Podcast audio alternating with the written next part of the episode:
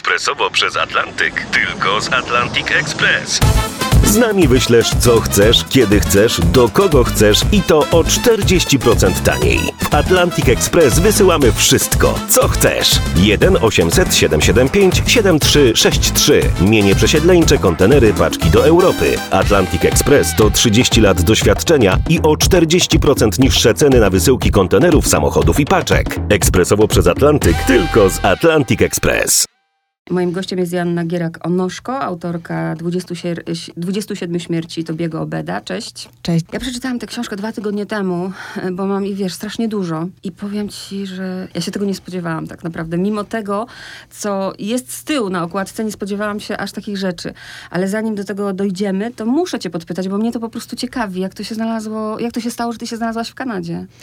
No to jest love story. Pojechałam do Kanady za moim mężem, także dziennikarzem. E, To była dla naszej, e, dla naszej rodziny wielka, wielka przygoda. Spędziliśmy tam ponad dwa lata i z takiej, okazało się, że wyjazd do Kanady jest nie tylko zawodową trampoliną dla mojego męża, ale też nową zawodową przygodą dla mnie. przeciętny człowiek, mam na myśli siebie też. Kiedy myśli Kanada, to myśli, wow, w ogóle wyobrażamy sobie, no chociażby takie życie trochę jak z tej okładki, może niekoniecznie, bo to są symbole, ale wyobrażamy sobie, że to jest taki świat po prostu, do którego my nie mamy dostępu.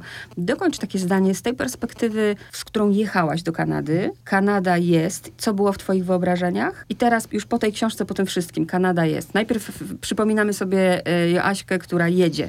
Kanada jest. Co myślałaś? Kanada jest e, krajem z, z książek przygodowych. Kanada jest wie, wielkim lasem pełnym e, dzikiego zwierza. Kanada jest prawym, szlachetnym, idealnym miejscem do życia, idealnym e, krajem, idealnym miejscem do życia. Z perspektywy tych kilku lat spędzonych w Kanadzie, mogę powiedzieć, że Kanada jest wspaniałym ale niezgłębionym i bardzo skomplikowanym krajem, z bardzo trudną historią, jednocześnie na tyle odważnym, że Kanadyjczycy są gotowi stawia, stawiać temu czoła. Jechałam do Kanady z głową pełną stereotypów i takich bardzo klasycznych wyobrażeń o tym kraju. Natomiast przekonałam się, że jest to kraj niesamowitych kontrastów. Z jednej strony nieprzebranej, dzikiej, fascynującej, bardzo bogatej, soczystej przyrody, a z drugiej strony y, jest to kraj, który stawia na nowoczesne technologie, na zrównoważony rozwój. To jest taka super nowoczesna lokomotywa, która wpędzi w przyszłość.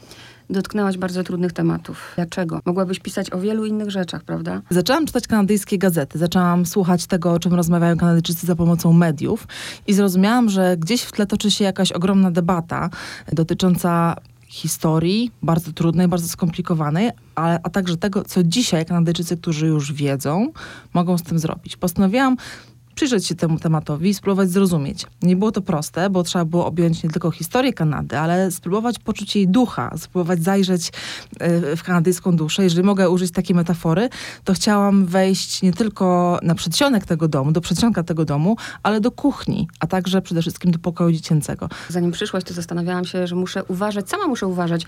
Nawet bym może o tym nie pomyślała, dopóki nie przeczytałabym twojej książki i tego, że sama mówisz, jak, jak ta zmiana Kanady zaczyna się od słowa. Jak nie używamy dzisiaj Indianin, Eskimos, bo to jest uważane za obraźliwe, więc będziemy mówić rdzenni mieszkańcy, tak? Tak, dla nas w Europie te słowa są zupełnie przezroczyste, zupełnie neutralne, natomiast tam w Kanadzie są one nacechowane bardzo negatywnie, dlatego że wiąże się z nimi cały historyczny kontekst, nad którym y, nawisł taki, nawisła taka kolonizatorska, mm, rasistowska chmura. Dlatego słowo Indianin, czy słowo Eskimosz, czy, czy skło są tam słowami zakazanymi. Używają ich albo osoby niewykształcone, niewrażliwe, właściwie poza nawiasem normy społecznej. Być może niektórzy o tym wiedzieli, tak jak wiedzieli Kanadyjczycy, ale nie Kanada. To jest najpiękniejsze zdanie z twojej książki, bardzo ono mnie uderzyło, że wszyscy wiedzieli, Kanadyjczycy wiedzieli, ale Kanada nie wiedziała, prawda? Oficjalnie mówimy o tym, co robiono rdzennym dzieciom, które zabierano rodzicom, za, zabierano, bo tak można powiedzieć. Wywożono setki kilometrów dalej do zamkniętych szkół, żeby zrobić z nich prawdziwego Kanadyjczyka, czyli jakiego? Ten nowy Kanadyjczyk miał być przede wszystkim posłuszny i uległy. Ojcowie narodu pomysł na zbudowanie zrębów nowego państwa mieli bardzo prosty, ale nie mieli na to środków, dlatego że wojna była zbyt kosztowna i transportowanie żołnierzy, którzy mieliby podbijać i kolonizować nowe ziemie, e, to kosztowało bardzo dużo. Dużo tańszym rozwiązaniem była edukacja, dlatego pleciono Kanadę od jednego do drugiego oceanu siecią szkół, do których, mogę powiedzieć, wtrącano rdzenne dzieci. Obowiązywało prawo, które mówiło, że rdzenne dzieci też podlegają obowiązkowi szkolnemu, tak jak wszystkie inne. Natomiast one poza zwykłymi lekcja, lekcjami miały przede wszystkim oduczyć się być sobą. Miały zostać wynarodowione, miały być e, oderwane od kultury, od domu, od języka swoich rodziców. Były do tych szkół wcielane w wieku 4-5 lat, opuszczały szkołę mając 14-15 nie mówiły już wtedy językami swoich rodziców, nie pamiętały twarzy swoich, swojej mamy, swojego taty, a przede wszystkim nie wiedziały, kim są. Te szkoły, chociaż w zamierzeniu miał, były projektem cywilizacyjnym i miały być e, placówkami edukacyjnymi, były tak naprawdę farmami darmowej siły roboczej. Dzieciaki uczyły się tam bardzo mało, zdarzało się, że opuszczały tę szkołę, będąc dalej niepiśmiennymi. Pracowały bardzo dużo na utrzymanie misji, przy których stały te szkoły, a przede wszystkim były, zmuszane do przyjęcia nowej wiary, były katechizowane. No i to jeszcze może nie brzmi, chociaż już brzmi strasznie, ale to, co się działo za murami tej szkoły. Nie bójmy się, bo co robiono tym dzieciom za murami tej szkoły? E, te szkoły bardzo często były położone z dala od e, ludzkich skupisk e, w, w głębokich lasach, na, na wyspach, a to znaczyło, że były geograficznie odosobnione i nie docierała tam żadna kontrola. To jest opowieść nie tylko o tym, że z dzieckiem można zrobić wszystko, ale też o tym, że, że to wszystko dzieje się, kiedy zawodzą mechanizmy kontrolne, kiedy um, ufamy instytucjom i, i nie sprawdzamy. Te szkoły były siedliskami, były terenami łowieckimi dla wszelkiej maści sadystów i pedofili. I tak jak wcześniej wspomniałaś, Kanadyjczycy o tym wiedzieli albo domyślali się, dlatego że ktoś do tych szkół dowoził e, aprowizację, ktoś je budował, ktoś czasem przyjeżdżał te dzieci kontrolować, leczyć, ktoś też, ktoś też je grzebał. Więc sygnały o tym, co dzieje się w tych szkołach były, ale my mamy doskonale wdrukowany mechanizm wyparcia i Kanadyjczycy bardzo długo nie chcieli wiedzieć. Jeszcze dłużej nie wiedziała o tym Kanada, bo chociaż takie przebłyski, takie pojedyncze głosy były, nie był to jeszcze chór. Dopiero w 2015 roku, czy tak naprawdę przed chwilą, Kanada w pełni dowiedziała się o skali y, przestępstw na dzieciach, na rdzennych dzieciach, które miały miejsce na kanadyjskich ziemiach trzeba też powiedzieć, że architektem tego systemu szkół było, były kanadyjskie władze, natomiast nie miały personelu. Większość tych szkół była zarządzana księżowską ręką. Co się idealnie akurat wpisuje w ta książka, teraz też w to, co się dzieje u nas w Polsce. Myślę, że ta książka jest um, lustrzanym odbiciem tego, o czym mówią bracia Sekielscy w swoim filmie, zatytułowanym Tylko nie mów nikomu. Natomiast Kanada bardzo gładko przeszła od Tylko nie mów nikomu do powiedzmy wszystkim. I książka jest zapisem nie tylko historii, która która miała miejsce w Kanadzie, ale też tego, jak Kanadyjczycy z tą historią się mierzą, jak o niej mówią głośno. Chciałabym też dodać, że nie jest to historia zamierzchła, bo ostatnia taka szkoła, w której y, przytrzymywano rdzenne dzieci, zamknęła się w 96 roku. Powiedzmy o skali, ile to było szkół na terenie Kanady i ile tysięcy dzieci? To było ponad 130 szkół. Szacuje się, że przez, przez, przez te wszystkie szkoły przeszły, przeszło około 150 tysięcy dzieci. Były takie okresy, szczególnie w czasach kryzysu, w czasach, w latach 40. Dzieci były tam trzymane w bardzo złych warunkach, głodowały, chorowały, nie leczono je, więc śmiertelność w tych szkołach wynosiła nawet 30%. Niektóre historie, mm, tutaj ktoś w opisie twojej książki napisał, że mm, będziecie łapać się za głowę i to jest prawda. Metaforycznie oczywiście. Nie? Ja nie mogłam uwierzyć w niektóre historie, które czytałam takiego zwykłego upadlania dziecka. Musiałam sobie zadać pytanie, jak to jest? To, co mnie najbardziej zszokowało, to też to, że ta siostra, przypomnij mi jej imię, która... Anna Wesley. Tak. Siostra, która przeżyła taką samą szkołę, robi później to samo dzieciom i próbuje zrozumieć ten mechanizm. Tak, dlatego y, ja myślę, że ogromną pokusą jest opisywanie zła. Zło jest bardzo plastyczne i bardzo piękne, to jest bardzo wdzięczny temat do opisania. E, natomiast bardzo łatwo o to, o takie epatowanie krwią, wymiocinami, zbrodnią. Ja po, pomyślałam, że y, wartość tej książki będzie dużo większa, jeżeli zadamy sobie pytanie, skąd to zło się brało. Nie zależało na tym, żeby szokować czytelnika, ale żeby skonfrontować go z pytaniami. Dlatego jest to historia nie tylko ofiar, ocaleńców, jak mówi się na nich dzisiaj w Kanadzie, Ale także sprawców, katów. Ta książka bardzo dobrze pokazuje mechanizmy zła, bo pokazuje skąd te monstra się biorą. No naprawdę, nigdy, nigdy nie można powiedzieć, że coś jest czarne i białe, nie? To jest bardzo trudne. Także ta książka rzeczywiście budzi dużo refleksji. Jeszcze chciałam y, nawiązać do tytułowy Tobi Obed 20 śmierci Tobiego Obeda. Co to znaczy 27 śmierci? Tobi Obed, tytułowy bohater e, mojej książki, jest taką klamrą. Jego historia otwiera tę opowieść. Dowiadujemy się, że jest, że, że jest on mieszkańcem północnych e, kanadyjskich ziem, mieszka w Labradorze, Nowej Fundlandii. E, jest dzieckiem po szkole z internatem. Mówi o sobie, że nie jest jej absolwentem, tylko jest ocaleńcem um, przeżył. Tu zatrzymajmy się. Zatrzymajmy się mhm. na chwilę, bo to jest jednak bardzo ważne, że u nas ocaleniec to zupełnie coś innego. Jedziesz do Kanady i słyszysz, jestem ocaleńcem, to znaczy, że... To znaczy, że przetrwałem szkołę z internatem prowadzoną przez y, Claire jeszcze do niedawna w Kanadzie, a w Europie do dzisiaj, mianem ocaleńca y, określa się osobę, która przeżyła Holokaust. Tak mówi się, y, mówi o nich y, ocaleńcy lub ocaleni. Natomiast od niedawna w Kanadzie to słowo wypełniło, wypełniło się nowym znaczeniem, nową treścią. Ocaleńcy to są dzieci, które przetrwały, przeżyły bycie zamkniętym w szkole z internetem. No i mamy właśnie Tobiego, Tak. który jest ocaleńcem i co dalej? Tobi Obet jest ocaleńcem ze, z jednej ze szkół z internatem w, w, w Labradorze Nowej Fundlandii. Został zabrany do tej szkoły, kiedy miał 4 lata. Nagle na progu jego rodzinnego domu pojawił się Mountie, czyli taki policjant w czerwonym mundurze, y, którego znamy z pocztówek kanadyjskich.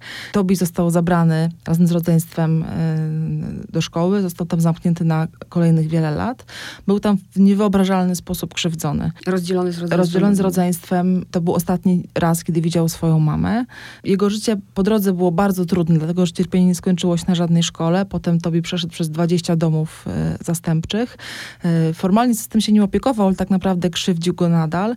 Tobi nie mógł podjąć pracy, nie potrafił jej utrzymać, nie radzi sobie w kontaktach y, z bliskimi. Jego życie jest bardzo trudne, ale Tobi ma niesamowitą zdolność regeneracji. To jest człowiek, który się nigdy przy nigdy nie poddaje. Także wtedy, kiedy upadł w śniegu i jego serce przestało bić. W Kanadzie mówi się o nim, że jest człowiekiem Feniksem, człowiekiem, y, który zmartwychwstał, dlatego że bardzo długo walczono o jego życie. Y, Uratowano go, wyciągnięto, wyszarpano go z tego odmrożenia, chociaż nie bez szwanku. Stracił kończyny, a mimo to nie stracił ducha. I kiedy w 2008 roku Kanada już wiedziała e, o tym, co działo się w szkołach z internatem, ówczesny konserwatywny premier rządu Stephen Harper wygłosił epokowe, historyczne przeprosiny. Pominął em, w, w, tym, w, tym, w tych przeprosinach dzieci zamknięte w szkołach w Labradorze Nowej Fundlandii. Zrobił to dlatego, że e, te ziemie należą do Kanady formalnie dopiero od 1949 roku. Gdyby więc uznał e, władztwo Kanady nad tymi terytoriami e, wcześniej, oznaczałoby to, że Kanada tym dzieciom też jest winna nie tylko przeprosiny, ale i pieniądze. No i jest to moment przełomowy dla tej książki, przede wszystkim przełomowy w życiu Tobiego Obeda, bo postanawia on wypowiedzieć wojnę swojej ojczyźnie. Tobi zwycięża, nie jest to spoiler, mogą Państwo przeczytać o nim też w prasie. Tobi zwycięża, prawnicy wyszarpują dla niego rekordowe odszkodowanie, ale jak mówią oni sami, jak mówi też Tobi Obed, najważniejszy był taki moment za kulisami, e, w którym to premier Justin Trudeau przygarnął Tobiego do piersi i obaj mężczyźni płakali. Ja to zdjęcie sobie nawet w internecie wyszukałam i obejrzałam. A Tak, można to znaleźć. Czytałam o tobie w prasie, bo, bo byłam w Kanadzie w, y, w tych dniach, w tym czasie, kiedy Kanada szykowała się na te przeprosiny. Justin Trudeau postanowił przyjechać na labradorskie ziemię i dokończyć to, co zaczął poprzedni premier, czyli dokończyć te przeprosiny, oddać honor.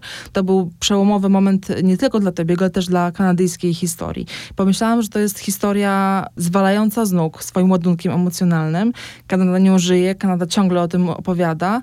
E, Tobi jest bohaterem masowej wyobraźni. Dla wielu ludzi porusza tyle serc i umysłów, a my o nim w Polsce zupełnie nic nie wiemy. To był taki moment, kiedy pomyślałam, że jego historia powinna dotrzeć także nad Wisłę. Ale konkretnie napisałaś do niego? Napisałam do niego, rozmawiałam z nim, niestety nie spotkałam się z nim e, osobiście ze względu na dzielącą nas e, odległość i pogodę, która nie, uniemożliwiła, uniemożliwiła podróż, ale rozmawialiśmy wtedy, jesteśmy do dzisiaj w kontakcie. Chociaż też z książki wynika, że nie było ci łatwo z rozmówcami, no bo mm, traktowali cię jako Europejkę, prawda? Co ty tam możesz... Jeden z bohaterów krzyczał na mnie, mówiąc do mnie, że jestem dla niego tylko córką białych kolonizatorów. Natomiast ja się nie mogłam na to obrażać, także dlatego, że przyjechałam tam posłuchać i zrozumieć, a nie poddawać e, cokolwiek czy kogokolwiek ocenie. Jeśli ktokolwiek teraz z naszych słuchaczy zadawałby sobie pytanie, no jak to y, w głowie mu się nie mieści, że przyjeżdżają i zabierają ci dziecko, to też trzeba dopowiedzieć, że byli tacy rodzice, którzy koczowali pod tymi szkołami, byli tacy, tacy rodzice, którzy chcieli odzyskać swoje dzieci, ale powiedzmy szczerze, ci rdzenni mieszkańcy byli gorszą kategorią i mogli po prostu stracić jedyne źródło utrzymania, czyli zasiłek. Tak, ta przemoc, s- mm, która do- która dotykała często do dzisiaj dotyka rdzennych mieszkańców, obywateli Kanady, jest systemowa. To nie jest tak, że zdarzał się jeden zły ksiądz albo jeden zły dyrektor szkoły, który krzywdził jedną rodzinę. To był cały system zaprojektowany po to, żeby zniszczyć istotę tego, czym ci ludzie byli, czym są. No i to był system naczyń połączonych. To znaczy odmowa posłania dziecka skutkowała karą, aresztem czasem więzieniem, a przede wszystkim karami finansowymi albo zabraniem zasiłku dla rodziny. Warto też dodać, że misje, przy których funkcjonowały te szkoły, zatrudniały y, pracowników, a płaciły im gotówką. I w odległych od dużych miejscowości, w małych miejscowościach, y, mm, nieopodal takich misji, każdy pieniądz był na wagę złota. Rodzice stali, stawali więc przed niesamowicie trudnym dylematem, niesamowicie trudnym wyborem, e, czy zapewnić, czy oddać jedno dziecko do szkoły, a zapewnić przeżycie całej rodzinie i pozostałym dzieciakom, czy próbować e, chronić każde jedno. Tych poruszających historii jest tak wiele, ale wybrałam właśnie dwie takie, żebyśmy opowiedziały. To jest ostatnia też historia Ewelin, bo bardzo dużo piszesz właśnie o sytuacji kobiet rdzennych też, a ta historia jest no, wstrząsająca też, pokrótce opowiedz ją. Przez moment wydawca chciał tę historię usunąć. E, Uznał, że książka powinna skończyć się w innym miejscu, ale mi bardzo zależało na tym, żeby polski czytelnik poznał historię Ewelin Korkmaz. Znałam ją z akt sądowych, ukrytą pod pseudonimem, ale rozumiałam, że jest to osoba o niesamowitym harcie ducha. Domyślałam się, że jest to kobieta, chociaż nie byłam tego pewna i zrobiłam wszystko, żeby ją poznać. Uruchomiłam wszystkie możliwe kontakty, na które długo pracowałam. Starałam się zaskarbić zaufanie mm, ludzi, którzy pomagali mi w dokumentacji nad tą książką i Evelyn zgodziła się na rozmowę ze mną. E, powiedziała później, że przekonało ją to, że część swojego życia spędziła w szkole z internatem, do, do której została odesłana, którą prowadziły polskie zakonnice. Mm. I były to jej cudowne lata i najszczęśliwszy czas w życiu i, i ta polskość otworzyła mi drzwi, drzwi do, do, do domu Evelyn. E, Evelyn jest w, w Kanadzie taką ikoną, jest rdzenną kobietą, która walczy o prawa kobiet, a przede wszystkim walczy ze zmową, która panuje w kręgach kościelnych. Mam tu na myśli krycie skandali pedofilskich i takie systemowe chronienie sprawców. Mm, Evelyn działa nie tylko w Kanadzie, ale też na niwie mi- międzynarodowej, więc e, na, w swojej ojczyźnie jest postacią znaną, natomiast nigdy nie mówiła tam o tym, co ją osobiście spotkało. I polski czytelnik tej książki jako pierwszy ma prawo poznać jej historię, bo Evelyn mówi otwarcie o tym, co ją spotkało, a także o tym, co zrobiła dalej, gdzie dalej zabrała tę swoją historię. Myślę, że jej świadectwo jest, jest niesamowicie przyjmujące, zwalające z nóg, także dlatego, że ma ona potęgę wybaczania. Co zrobiła Kanada dzisiaj? Oprócz tego, że no dobrze, ludzie się zgłaszają, są wnioski, otrzymują pieniądze, za które i tak nie odkupią złamanego życia. Czy ci, którzy no chociaż już wiem o tej zakonnicy, że nie poniosła żadnej kary, nawet jest zdziwiona, że, że cokolwiek zrobiła. Właśnie to jest o tym momencie, o którym mówimy, skąd się to bierze. Ale czy no, są tacy, którzy ponieśli karę za to? Są sprawy jakieś otwarte? Ta historia jest już zamknięta. Dlatego, że y, Kanada podpisała ugodę, na mocy której wypłaciła ponad 6 miliardów dolarów y, rekompensat odszkodowań ludziom zamkniętym y, w szkołach z internatem. Te pieniądze szły dwutorowo. Po pierwsze, można było dostać jednorazową sumę za sam fakt bycia zamkniętym w takiej szkole i wystarczyło udowodnić swój pobyt tam świadectwem, ocenami, wspomnieniami kolegów, e, ale była też druga ścieżka, taka, taka droga przez dziecięcą mękę, gdzie stawało się przed komisją i dokumentowało się krzywdy, opowiadało się o, o, o krzywdach, to były indywidualne zeznania. Na podstawie e, tych historii y, komisje decydowały o konkretnych wypłatach. I ugoda, na mocy której ocaleńcy otrzymali te pieniądze, zobowiązuje ich do tego, żeby już nigdy przeciwko Kanadzie nie występowali. To znaczy państwo uregulowało swój rachunek, tak uważa, chociaż nigdy nie przyznało się do winy. Ta ugoda zakłada, że Kanada tej winy, do tej winy się, tej winy na siebie nie bierze.